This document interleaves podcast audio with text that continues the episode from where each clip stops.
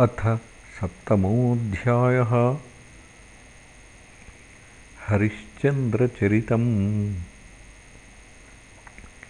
श्रीशुक उवाच मान्धातुः पुत्रप्रवरो योऽम्बरीशः प्रकीर्तितः। पितामहेन प्रवृतो यौवनाश्वश्च तत्सुतः। हारीतः तस्य पुत्रो भून्मान्धातृप्रवरा नर्मदा भ्रातृभिर्दत्ता पुरुकुत्साययोरगैः। तया रसातलं नीतो भुजगेन्द्रप्रयुक्तया।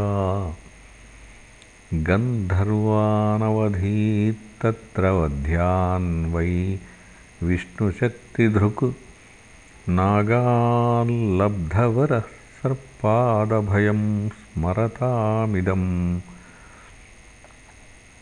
त्रसद्दस्युः पौरुकुत्सो योऽनरण्यस्य देहकृतु।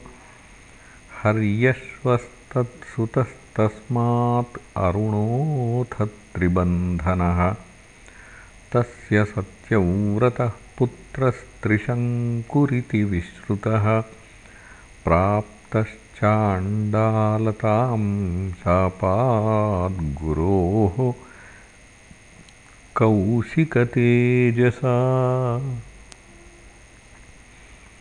सशरीरो गतः स्वर्गमद्यापि दिवि दृश्यते। पातितो वाक्षिरादेवैस्तेनैव स्तम्भितो बलात् त्रैशङ्कवो हरिश्चन्द्रो विश्वामित्रवसिष्ठयोः यन्निमित्तमभूद्युद्धं पक्षिणोर्बहुवार्षिकम्।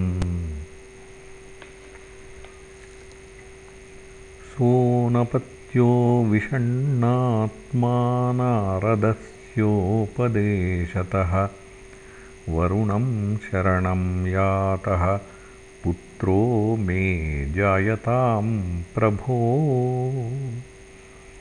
यदि वीरो महाराज तेनैव त्वां यजे इति तथेति वरुणेनास्य पुत्रो जातस्तु रोहितः।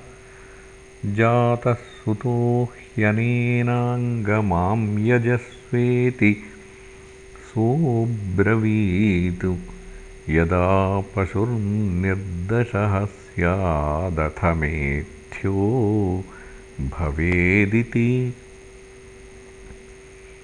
निर्दशे च स आगत्य यजस्वेत्याह सोऽब्रवीत्। दन्ताः पशोर्यज्ञायेरन्नथ मेथ्यो भवेदिति दन्ता जाता यजस्वेति स प्रत्याहाथ सोऽब्रवीत् यदा पतन्त्यस्य दन्ता अथ मेथ्यो भवेदिति। पशोर्निपतिता दन्ता यजस्वेत्याह सोऽब्रवीत् यदा पशोः पुनर्दन्ता जायन्तेऽथ पशुः पुनर्जाता यजस्वेति स प्रत्याहाथ सोऽब्रवीत् सान्नाहिको यदा राजन् राजन्योऽथ पशुः इति पुत्रानुरागेण स्नेहयन्त्रितचेतसा। कालं वञ्चयता तं तम् उक्तो देवस्तमैक्षत रोहितस्तदभिज्ञाय पितुः कर्म चिकीर्षितं प्राणप्रेप्सुर्धनुष्पाणिररण्यम् प्रत्यपद्यत। पितरं वरुणग्रस्तमभूद्विषादसंयुतम् तं श्रुत्वा जातमहोदरं।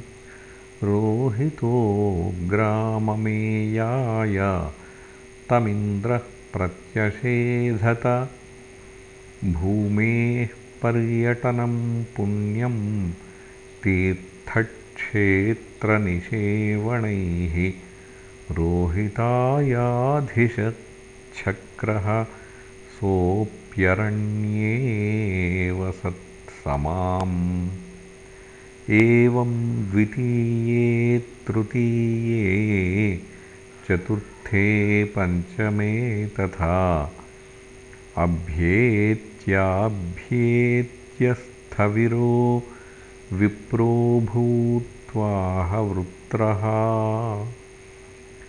षष्ठं संवत्सरं तत्र चरित्वा रोहितः पुरीम् उपव्रजन्नजीगर्तादक्रीणान्मध्यमं सुतं सुनश्येफं पशुं पित्रे प्रदाय समवन्दता। ततः पुरुषमेधेन हरिश्चन्द्रो महायशाः मुक्तोदरो यजद्देवान् वरुणादीन्महत्कथः विश्वामित्रोऽभवत्तस्मिन् होता चाध्वर्युरात्मवान्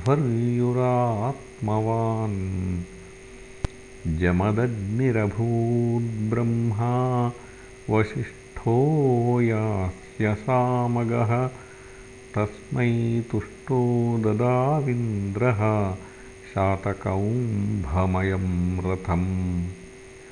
शुनश्चेफस्य माहात्म्यमुपरिष्टात् प्रचक्ष्यते।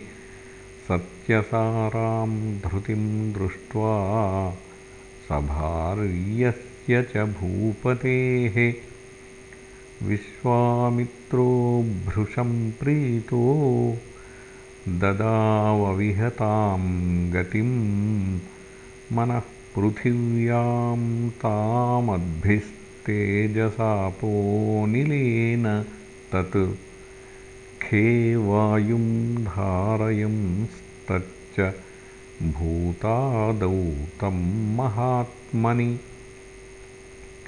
तस्मिन् ज्ञानकलां ध्यात्वा तया ज्ञानं विनिर्दहन्।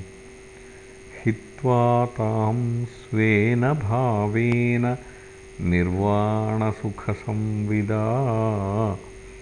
अनिर्देश्याप्रतर्क्येण तस्थौ विध्वस्तबन्धनः इति श्रीमद्भागवते महापुराणे पारमहंस्यां संहितायां नवमस्कन्धे सप्तमोऽध्यायः